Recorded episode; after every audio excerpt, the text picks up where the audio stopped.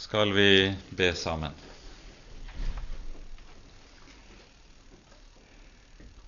Kjære du vår Herre, du vår Gud og vår Far. Vi takker og lover deg for all din nåde imot oss. Takk, Hellige Herre, at du sendte din elskede Sønn for å ta deg av oss. Takk, Hellige Gud og Far, at du ga Jesus i vårt sted. Du sparte ham ikke, men ga ham for oss alle. Og ved det har du lovet å gi oss alle ting med ham. Og så ber vi deg, Hellige Gud, send din Hellige Ånd og bind våre hjerter til Jesus. Send din Hellige Ånd og åpenbar din Sønn for våre hjerter, slik at vi må få lov å ha frimodighet, at vi må få lov til å eie den troen som du alene kan gi. Gi oss lydhørhet, Herre, for ditt ord, og la ordet få rom i våre hjerter. Det ber vi for Jesus skyld, og takker og lover deg, Herre, fordi du er god, og din miskunnhet varer til evig tid. Amen.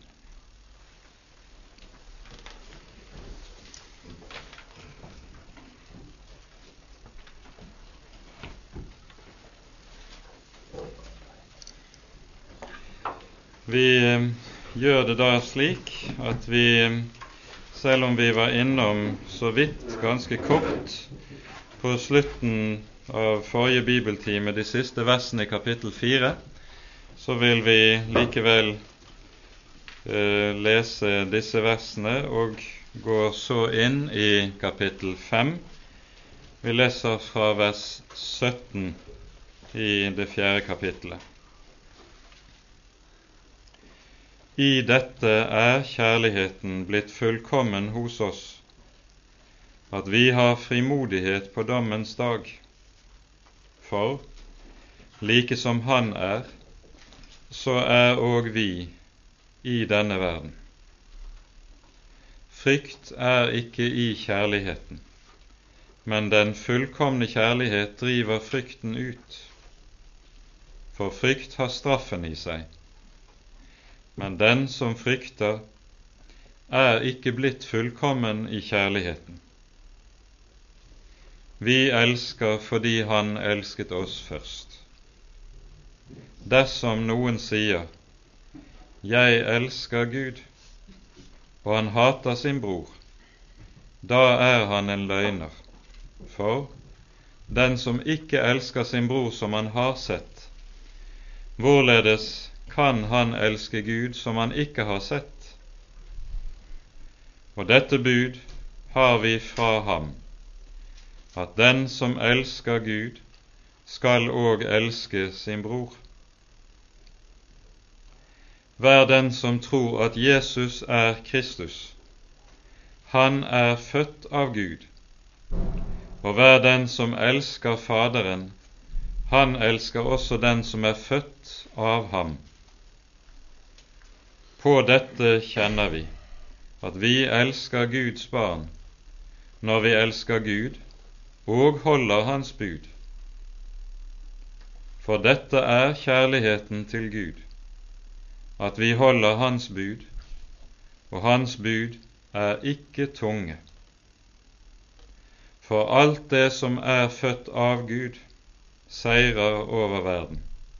Og dette er den seier som har seiret over verden, vår tro. Hvem er den som seirer over verden? Uten den som tror at Jesus er Guds sønn. Amen.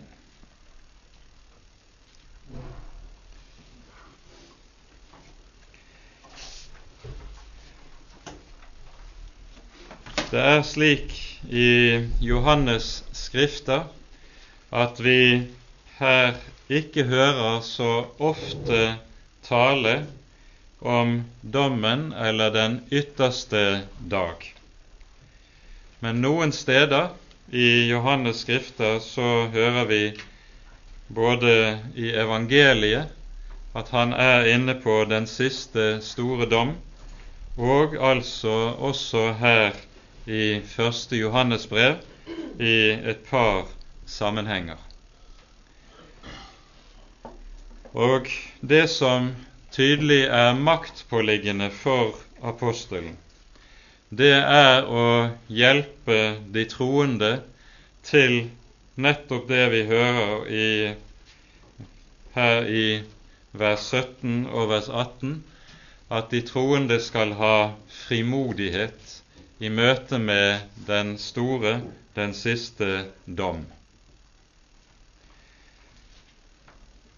Og så hører vi at dette anliggende, som er et dypt sjelesørgerisk anliggende, det dukker opp altså ved, i tre ulike sammenhenger her i hans brev, i tillegg til at vi lenger ute i kapittel 5 hører apostelen gå grundig inn på spørsmålet som har med frelsesvisshet å gjøre. Det rekker vi ikke å se på i dag, det blir neste gang. Men vi forstår altså at dette at de troende skal ha frimodighet, slippe å beve i angst og i frykt med tanke på den siste store dag, det ligger ham på hjertet. Og så hører vi det sies her i dette er kjærligheten blitt fullkommen i oss, at vi har frimodighet på dommens dag. Da skal vi merke oss når det gjelder det som her sies, at vi må ikke lese dette som om apostelen her talte om vår kjærlighet, den vi eventuelt kan finne i våre egne hjerter. Det er lett for oss når vi leser slike ord, at vi retter blikket inn mot oss selv og inn mot vårt eget hjerte og leter etter kjærlighet der, og eventuelt at kjærligheten skulle nå en eller annen fullkommenhetsgrad. Og så vet vi hvordan det er. Det finner vi ikke.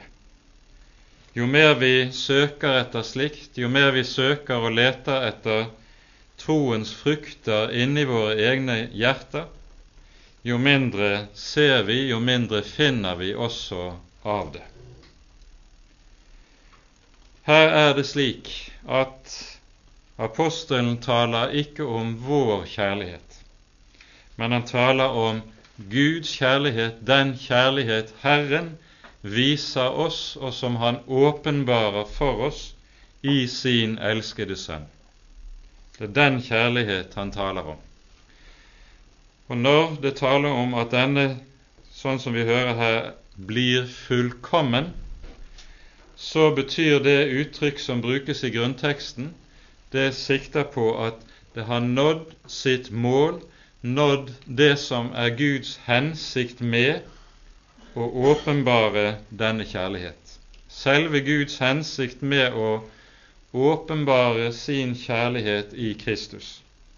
Det er altså å skape denne tro, denne tillit, denne frimodighet, som gjør at et Guds barn slipper å beve i møte med dommen, men tvert om kan se frem imot den siste dag med løftet hode, med frimodighet, ja, han kan vente på Jesu komme med glede.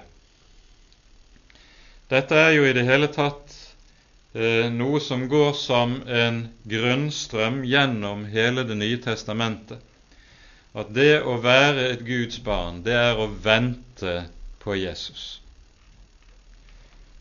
Og Da når det uttrykket brukes slik, så forstår vi at her er det tale om den forventning som ser frem, som lengter etter Kristi komme, for med det kommer også utfrielsen. Utfrielsen fra de mange ting som kan trykke og være volde så meget vondt og så meget smerte her i verden.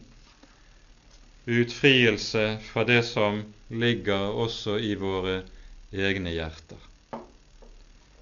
Alt dette hører med til det som en kristen venter på med lengsel. Og så sies det altså her at Herren, det ligger ham på hjertet, at vi nettopp skal ha en slik frimodighet med tanke på det som ligger foran. Vi leser også i Hebreabrevet, i det sjette kapittel, et ord som taler noe om samme sak.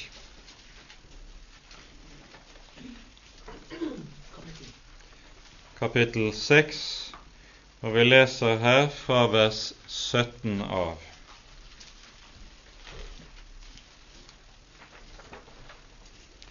Derfor, da Gud enn mer ville vise løftets arvinger hvor uryggelig hans vilje var, gikk han imellom med en ed for at vi ved to uryggelige ting, hvorved Gud umulig kunne lyve, skulle ha en sterk trøst, vi som har tatt vår tilflukt til å gripe det håp som venter oss, det som vi har som et anker for sjelen, et som er trygt og fast og når inn for forhenget, der Jesus gikk inn som forløper for oss, idet han ble ypperste prest til evig tid, etter Melkisedeks vis. Legg merke til det som her står i vers 17. Det står at Gud ville vise løftets arvinger hvor uryggelig hans vilje var. Altså, det er ikke nok at Gud bærer så å si dette inne i sitt eget hjerte og har en hemmelig ønske om at hans små barn skal eh, bli grunnfestet og trygge i troen, men tvert om, han ønsker riktig klart og tydelig å vise, vise oss dette, slik at vi også kan ha en sikker visshet og trygghet i håpet, som vi her hører det tale om. Det samme er det altså det tales om her. Ordet frimodighet det møter oss også to andre steder her i 1. Johannes brev. Vi møter det i kapittel 3 i vers 20, der dette ordet som vi husker så godt, står om enn vårt hjerte fordømmer oss, så er Gud større enn våre hjerter og kjenner alle ting. Og så i vers 28 i det foregående kapittel, og nå, mine barn, bli i ham, for at vi, når Han åpenbares, kan ha frimodighet og ikke bli til skamme for ham ved Hans komme. Det er i disse to sammenhenger vi altså også hører apostelen minne de troende om samme sak. Så fortsetter han altså i vers 18 og sier frykt er ikke i kjærligheten, men den fullkomne kjærlighet driver frykten ut, for frykt har straffen i seg. Men den som frykter, er ikke blitt fullkommen i kjærligheten. Det som vi hører som motsetning til frimodighet. Det er altså talen om frykt. Frykt, det henger sammen med i den Når vi taler om dette i det kristne liv, så henger det sammen med lovsinnet i en kristen.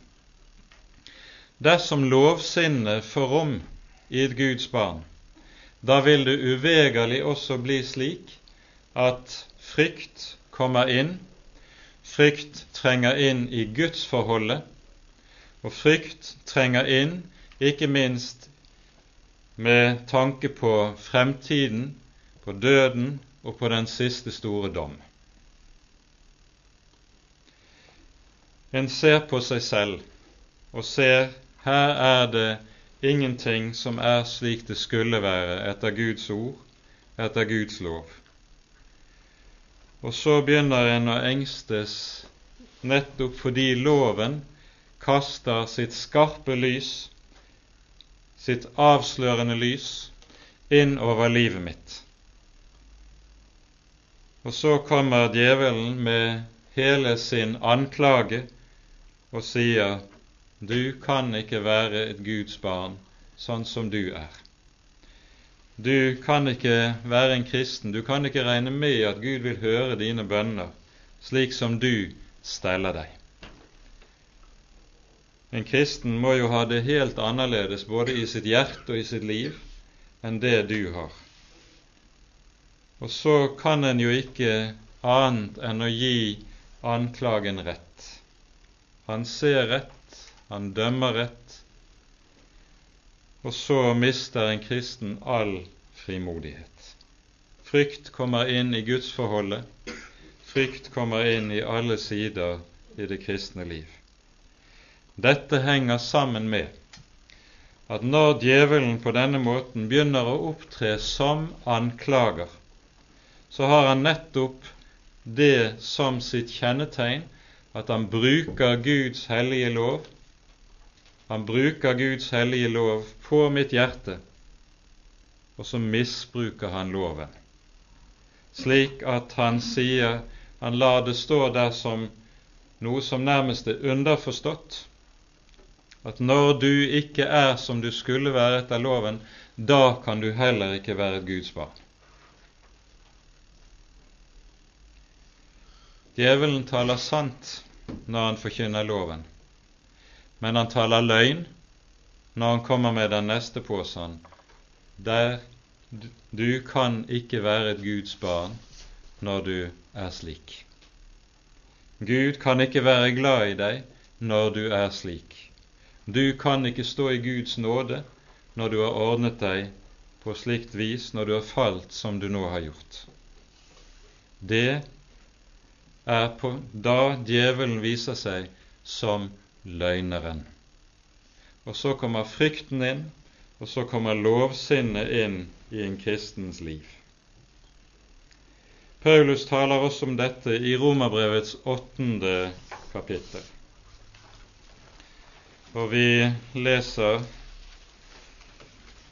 vers 15 og 16.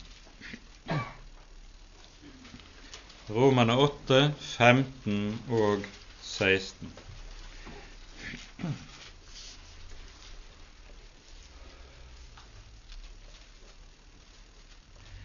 Dere fikk jo ikke trelldommens ånd, så dere atter skulle frykte men dere fikk barnekårets ånd, ved hvilken vi roper Abba, Far. For Ånden selv vitner med vår ånd at vi er Guds barn. Den ånd som frykter, det er nettopp det som kalles for trelldommens ånd, og som kommer av at loven, på grunn av djevelens kunster, djevelens maskepi, i livet vårt, i hjertene våre, så får loven en plass og en stilling i hjertet som den ikke er tiltenkt å ha. For det å være en kristen, det er å være fri fra loven. Det vil si ikke fri fra loven i den forstand at vi blir lovløse, en kristen er ikke lovløs, men fri i den forstand at loven ikke er grunnlag for gudsforholdet. Loven er ikke grunnlaget for frelsen. Derfor taler Paulus i Galaterbrevet om hvorledes Jesus kom for å oppfylle loven på våre vegne. Galaterne 4 leser vi slik.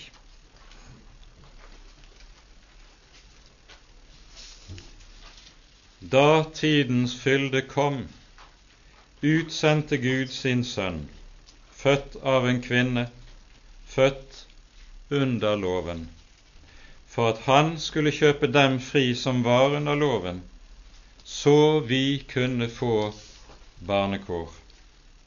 Og fordi dere er sønner, har Gud sendt sin Sønns ånd i våre hjerter, som roper Abba, Far så er du da ikke lenger trell, men sønn. Men er du sønn, da er du òg arving ved Gud.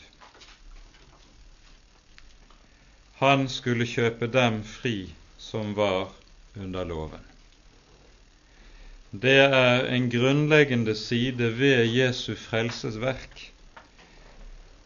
Jesus har ikke bare fridd oss fra våre synder ikke bare fridd oss fra vår skyld, men han har også satt oss fri fra loven som herre over våre liv.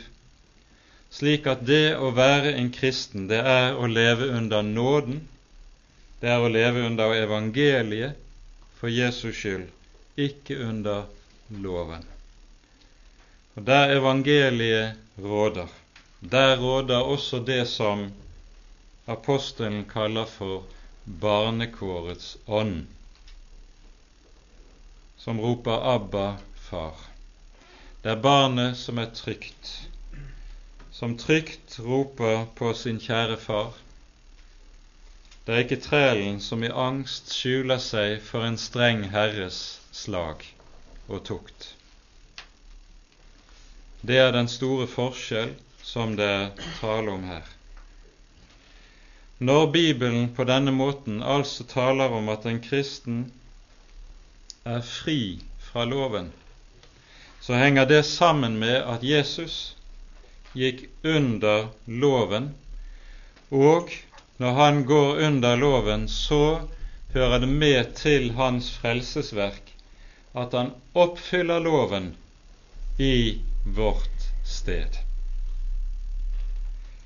Dette hører med som en grunnleggende side ved hele Jesu frelsesverk, fordi vi jo tenker vanligvis slik at når vi taler om Jesus som stedfortreder, så tenker vi han dør i vårt sted på Golgata. Han lider på korset for vår skyld på Golgata. Men det hører med til frelsens budskap også at Jesus lever i vårt sted. Hele Jesu liv før hans lidelse og hans død på Golgata er også et liv som er stedfortredende, og som gjelder for vår skyld. Og Derfor er det også slik at Jesus, alt hva Jesus gjør gjennom hele sitt jordeliv, når han lever fullkomment syndfri, fullkomment oppfyller hele Guds lov på ethvert punkt hele livet gjennom, aldri faller, så gjelder det også for oss. Så er det også noe som skjedde på våre vegne. Jesus levet for oss, og han døde for oss.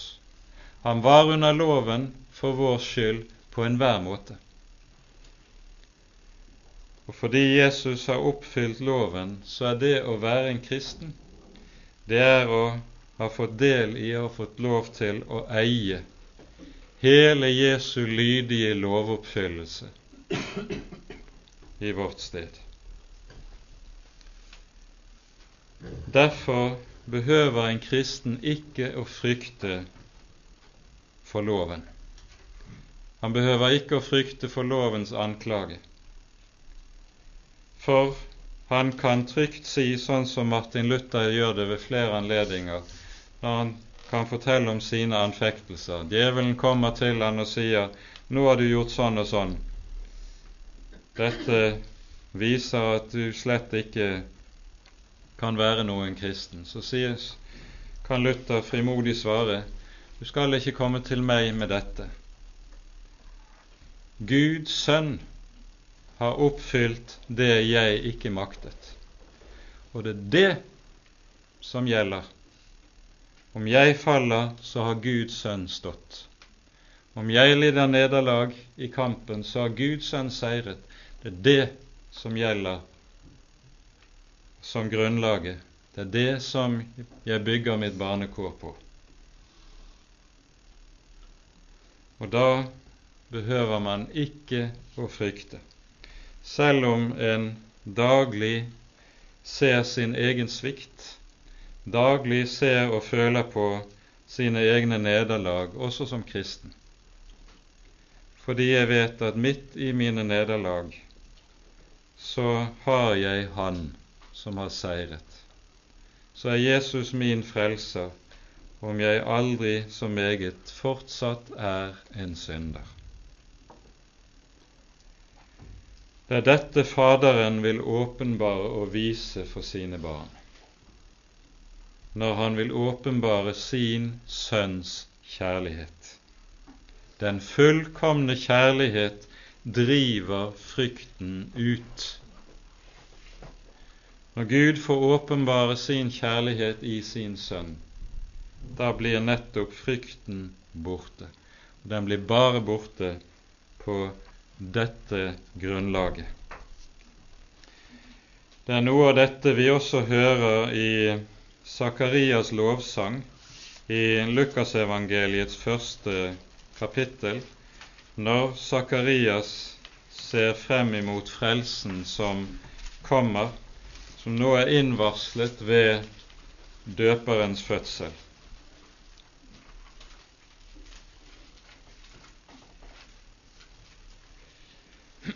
I vers Det er jo en sang, en salme, som lovsynger den frelse som Herren nå fullbyrder.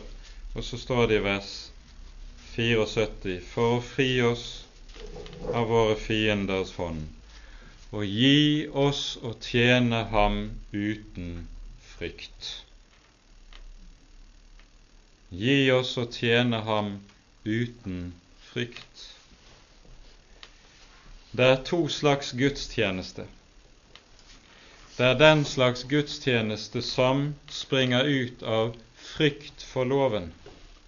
Det er trelldom. Og så er det den slags gudstjeneste som springer ut av at et menneske er blitt fri ved evangeliet om Jesus. Og det er det det tales om her profetisk.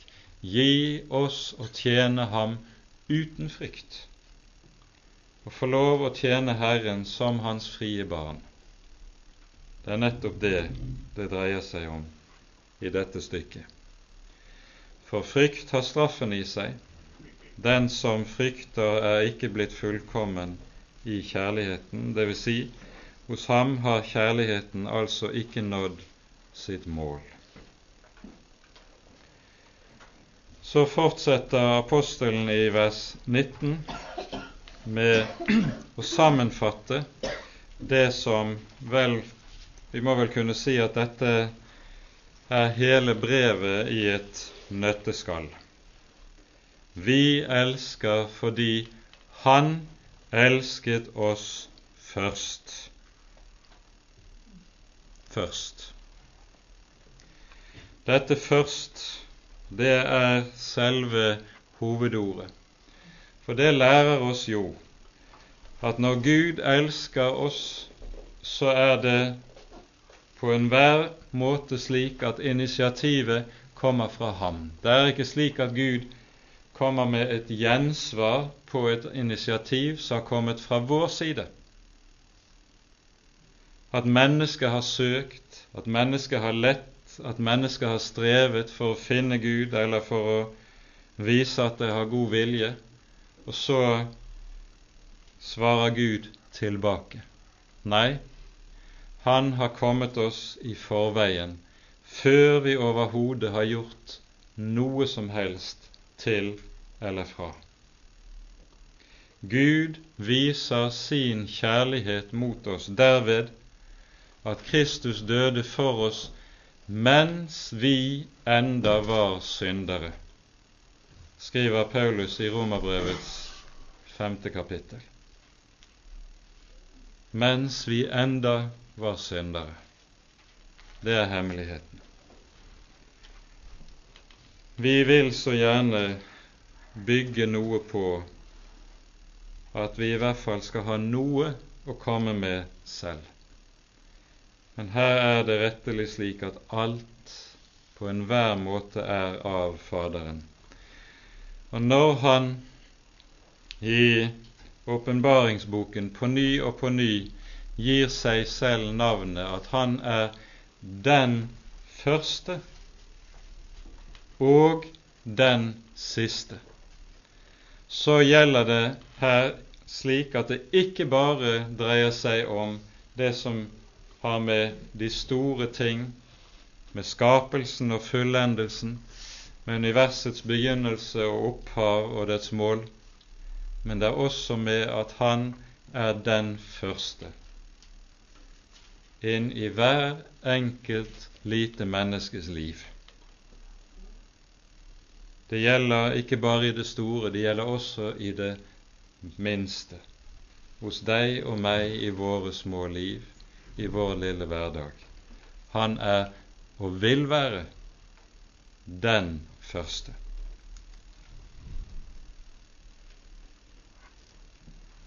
Så dras den naturlige konsekvensen av det vi har hørt tidligere i brevet, i vers 20 og vers 21. Om noen sier 'jeg elsker Gud' og hater sin bror, da er han en løgner.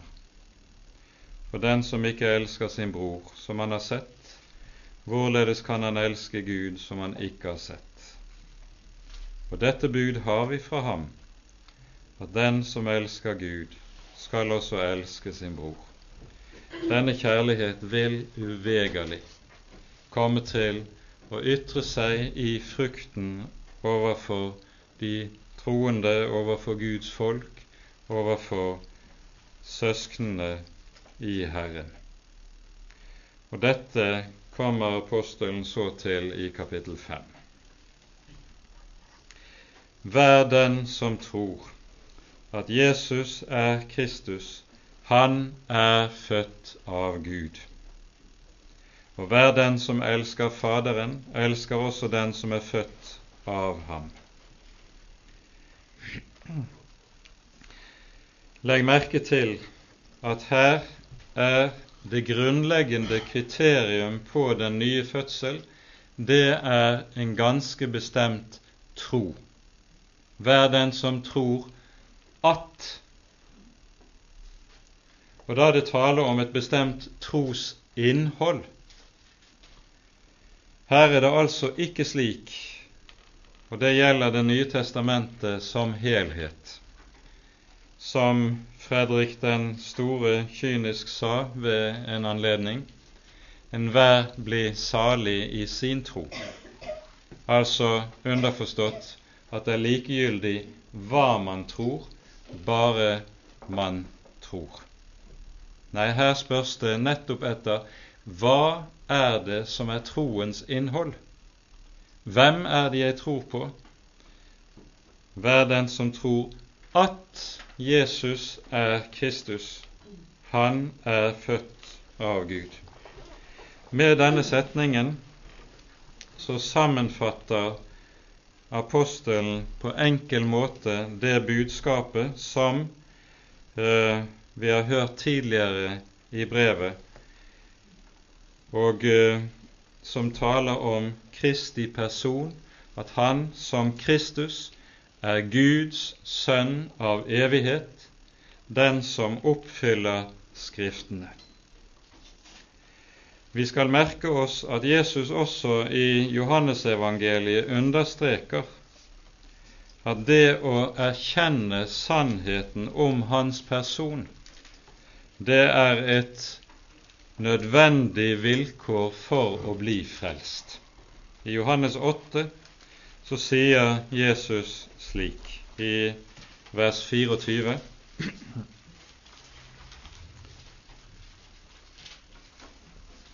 Derfor sa jeg til dere, dere skal dø i deres synder.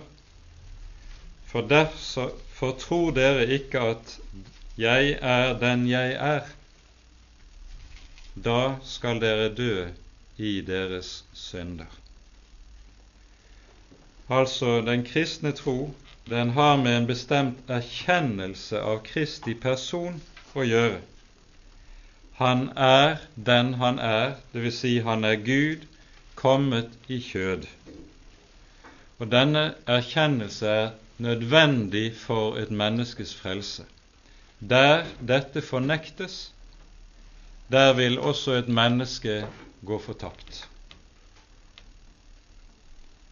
Så alvorlig og så grunnleggende er dette, og dette er da også grunnen til at slike retninger som f.eks. Jehovas vitner eller mormonene regnes som sekter som ikke er kristne, rett og slett fordi de fornekter sannheten om Jesu guddom. Det å fornekte denne sannhet det stiller en utenfor kristenheten. Så grunnleggende er altså denne saken. I kapittel 2, som vi har vært inne på tidligere, så hører vi det sies i vers 22 nettopp slik Hvem er løgneren uten den som nekter at Jesus er Kristus? Dette er antikristen, den som nekter Faderen og Sønnen. Nå sies det altså hver den som tror at Jesus er Kristus, han er født av Gud.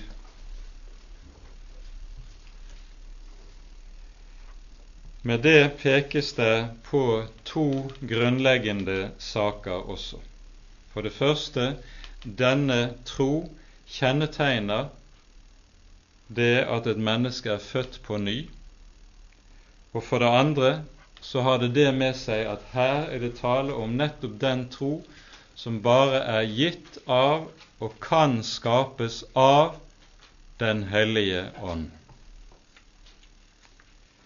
De gamle skilte ofte mellom det som ble kalt for en gitt tro og en tatt tro.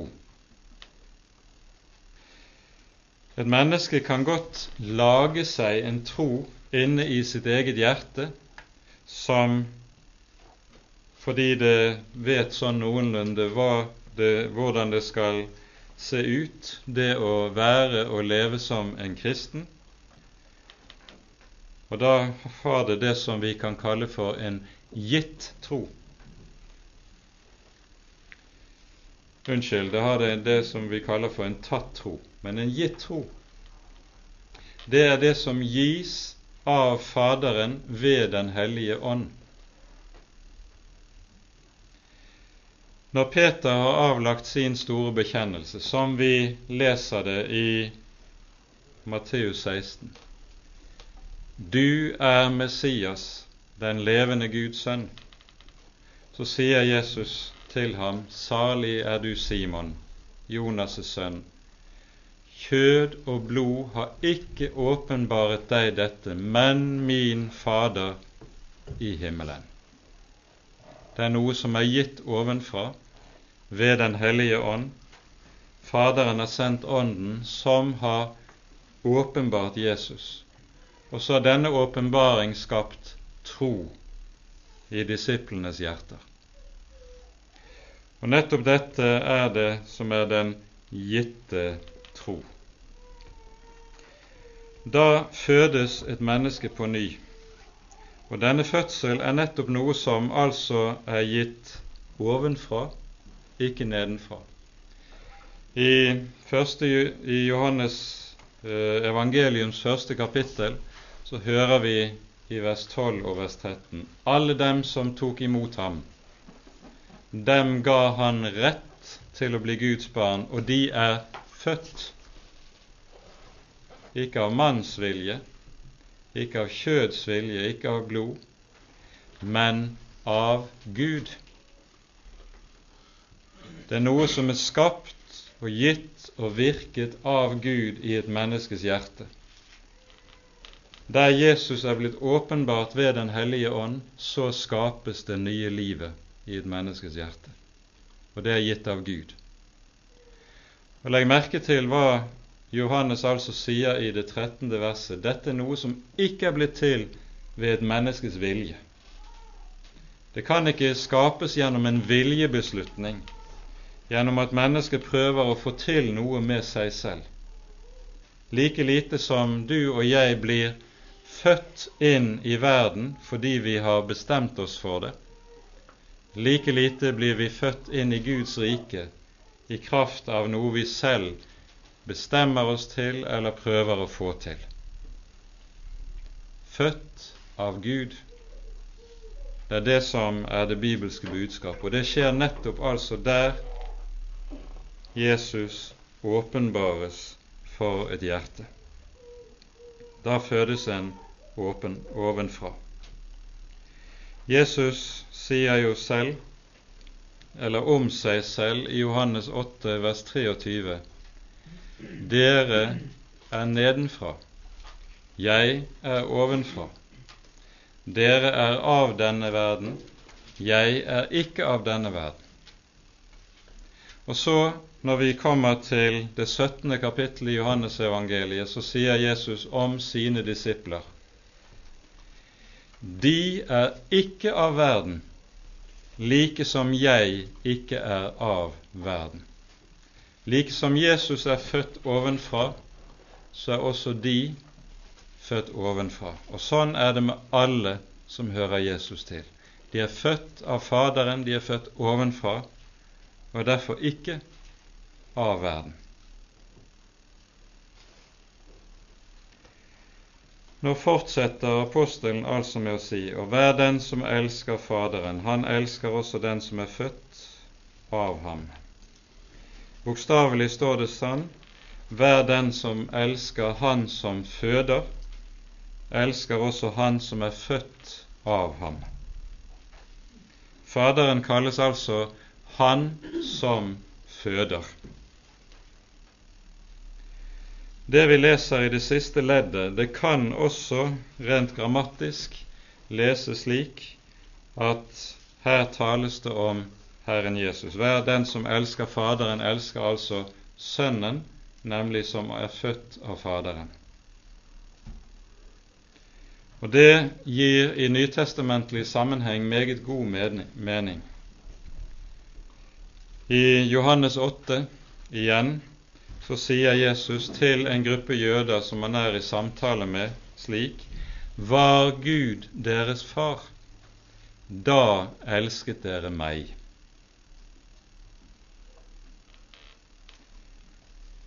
Å være i et rett forhold til Faderen, det kommer til syne i hvorledes et menneske stiller seg til Jesu person. Var Gud deres far, da elsket dere meg. Dette er jo noe som vi i våre dager ofte kan være i nærheten av, at mennesker har et eller annet slags trosforhold til Gud Fader Allmennreligiøsiteten drar meget i den retning, men noe forhold til Jesu person har man der ikke. Men det som kjennetegner kristen tro, det er nettopp det at Jesus for denne stilling var Gud deres da elsket dere meg. Da er det Jesus som er blitt umistelig for et menneske. Selv om altså dette ordet rent grammatisk kan sikte mot dette, så er det nok slik at sammenhengen peker mot det å elske troens folk. Den som elsker Han som føder, elsker også den som er født av ham. Dere vil huske ved en anledning at Jesu mor og Jesu brødre hadde hørt ryktene om Jesu store virke, og så søker de Jesu opp for å søke å stagge ham og få ham i tale. I Matteus 12 hører vi om dette. Og der hører vi det da kommer noen og sier, Se, din mor og dine brødre står utenfor og vil tale med deg. Hvorpå Jesus repliserer, Hvem er min mor og min søster og mine brødre? Og så ser han rundt på sine tilhørere og sier, Se, de som hører Guds ord og gjør Guds vilje, de er min mor og min bror og min søster. Det er Guds folk. For ikke kjødets barn er Guds barn, men løftets barn. Noe av det samme hører vi også i Lukasevangeliet det ellevte kapittel. Etter at Jesus har undervist, så er det en kvinne som bryter ut. Salig er det liv som fødte deg, og det bryst som du diet. Hvorpå Jesus svarer ja, salige er de som hører Guds ord og tar vare på det. Et veldig interessant ord i møte med den katolske mariadyrkelsen, der Jesus setter nettopp tingene på plass, hva som er saken. Salig er de som hører Guds ord og tar vare på det.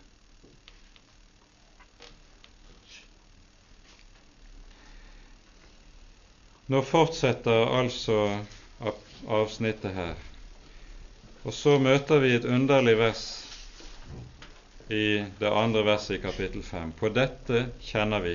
Det burde vel helst oversettes på dette vet vi at vi elsker Guds barn når vi elsker Gud og holder Hans bud. Det er like som at dette verset speilvender det vi hører i vers 20 i det foregående kapittelet. Og på sett og vis så er det nok slik at disse to ting hører uløselig sammen. Der det rette forhold til Herren er, der vil også kjærligheten til brødrene være. Og motsatt, der kjærligheten til brødrene er, der vil også kjærligheten, det rette forhold til Faderen, være. Nå brukes det to forskjellige ord som, ikke kommer, eh, som ikke kommer frem i vår bibeloversettelse. På dette kjenner vi at vi elsker Guds barn når vi elsker Gud og gjør Hans bud, står det bokstavelig i vers 2. Og så brukes ordet for å holde Herrens bud i vers 3. Når ordet 'gjøre' brukes, så sikter det til det rent konkret praktiske, som apostelen jo har vært meget inne på i dette brevet. Man skal ikke elske bare med ord eller tunge, men i gjerning og i sannhet, hører vi det lyde i kapittel 3 mens i vers 4 så brukes uttrykket som oversettes med å holde. Alt det som er født av Gud, seirer over verden. Nei, vers 3, unnskyld. For dette er kjærligheten til Gud, at vi holder Hans bud. Og Her er det altså slik at å holde, det er det ordet som betyr å ta vare på og bevare. Det sikter altså ikke primært til det ytre, praktiske som har med våre handlinger å gjøre, men det sikter primært til det grunnforhold til Guds ord at en tar vare på Guds ord som det mest verdifulle som en eier. Det er å holde Guds bud. Det er det som ligger i dette verset. Og Når det brukes ordet bud, så minner vi om det vi har vært inne på, med bud hos Johannes tenkes det ikke på bud i lovens forstand, men det menes frelsesåpenbaringen som helhet. Hvorledes ordet bud brukes i Johannesskriftene, ser vi i vers 23 i kapittel 3. Veldig karakteristisk. Dette er Hans bud, at vi skal tro på Hans Sønn, Jesu Kristi navn, og elske hverandre således som han bød oss. Det er altså tale om hele frelsesåpenbaringen som sådan. både det vi kaller lov og evangeliet. Vers 3 burde nok helst vært oversatt slik For dette er Guds kjærlighet, at vi bevarer Hans bud, og Hans bud er ikke tunge.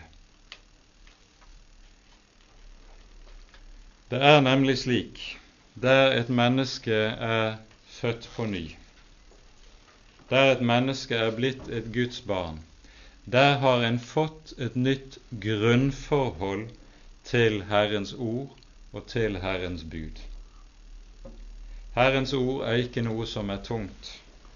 Tvert om, det er noe som det knyttes den største glede til.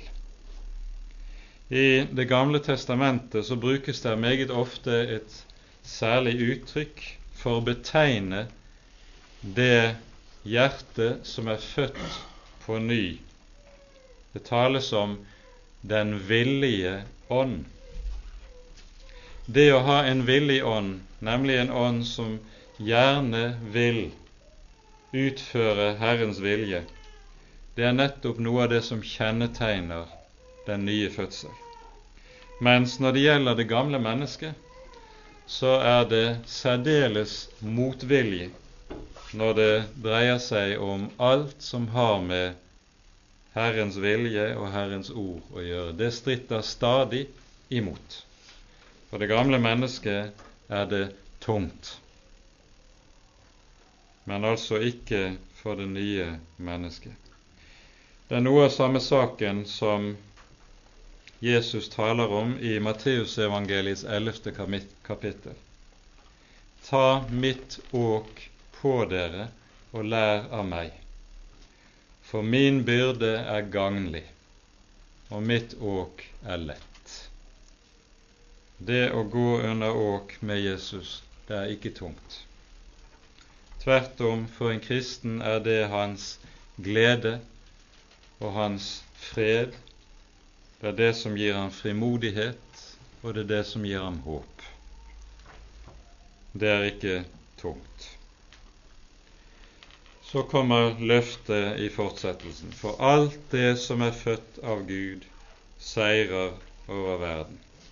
Og dette er den seier som har seiret over verden, vår tro. Når det er tale om verden i Johannes-skriftene, da er det regelmessig tale om verden i betydningen den falne menneskehet.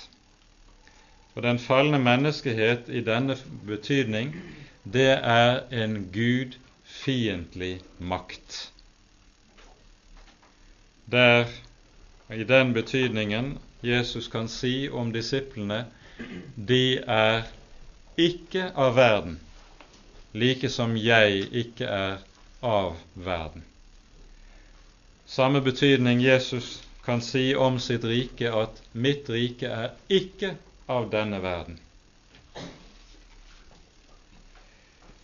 Denne verden som gudfiendtlig makt, den ytrer seg aller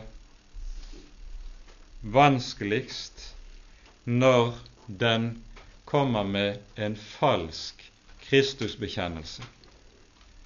Og det er det vi hører omtalt i innledningen til det fjerde kapitlet.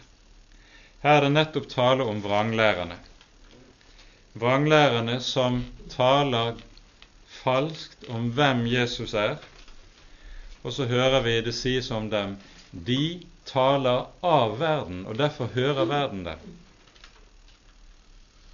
Det fins nemlig noe som er en slags kristen tro, en slags kristendom som er akseptabel for verden og i verden, og som verden gjerne vil ha. Og denne falske Kristustro og Kristusbekjennelse, den representerer ofte en langt større fare for den kristne menighet enn den direkte ytre fornektelse eller forfølgelse. Og Når det taler om seieren over verden, som vi hører om her, så er det ganske særlig det som er dette som vi her er inne på, som er sammenhengen i første Johannes brev. Det er seieren over den vranglære som har sitt utspring i verdens tankegang, i verdens måte å tale på og tenke på. I kapittel 4 leste vi slik fra vers 4 og vers 5. Dere er av Gud mine barn og har seiret over dem, for Han som er i dere, er større enn han som er i verden.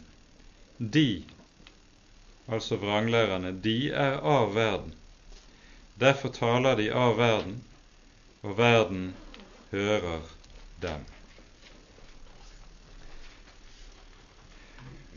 Det har alltid vært slik for Guds folk at det har vært en type kristendom som har vært akseptabel i verdens sammenheng. Og nettopp denne, den akseptable kristendom som godkjennes av alle og enhver, den representerer noe av den farligste trussel for Guds folk. Den gang hadde det ga det seg utslag i en kristologisk fornektelse, en fornektelse av læren om Kristi person. Andre tider i Kirkens historie har den hatt andre uttrykk. I våre dager er det tale om en slags kristendom som fornekter Herrens ord og Herrens bud, men som likevel vil kalles kristendom. Det er akkurat det samme, samme sak det er tale om her, og som Johannes altså sier, de er av verden, derfor taler de av verden, og verden hører dem. De blir populære i massemedia, de blir populære blant de som har makt, osv. Men de er av verden og taler av verden. Og Det å være en kristen, det er da å vite med seg selv at å høre Herren til, det vil innebære at en må gå mot strømmen. Det skal vi ikke tale meget om her, men vi skal være klar over at det uttrykk som her brukes, dette er den seier som har seiret over verden, nemlig vår tro så er ordet 'seier', slik det brukes i Bibelen, noe som hører uløselig sammen med korset. Den som tar på seg korset, det er den som seirer. Den som viker unna korset, det er den som altså etter bibelsk betydning ikke seier. Og Dermed så vil det se helt motsatt ut etter sånn som det er med menneskelige øyne. For den som ikke bærer korset, han vil være en som ytre sett både får medgang, får applaus, lykkes i verdens øyne, og så vil kanskje det kunne sies at han seirer. Men han lider nederlag, sett med bibelske øyne, med vurdert ut fra Guds ord. Seieren hører alltid i Skriften sammen med korset. Dette er viktig å være klar over. Hvem er den som seirer over verden, uten den som tror at Jesus er Guds sønn? På ny er vi tilbake ved det vi hørte i innledningen til kapittel 5. Det er en bestemt tro på Jesus. Det er et bestemt sannhetsinnhold som har denne frelsende kraft. Og Vi skal slutte i dag med å vise til ordet Jesus sier i Johannesevangeliets 16. kapittel. Det er avslutningen på hans avskjedstale i Johannesevangeliet før han begynner på den ypperste prestlige bønnen.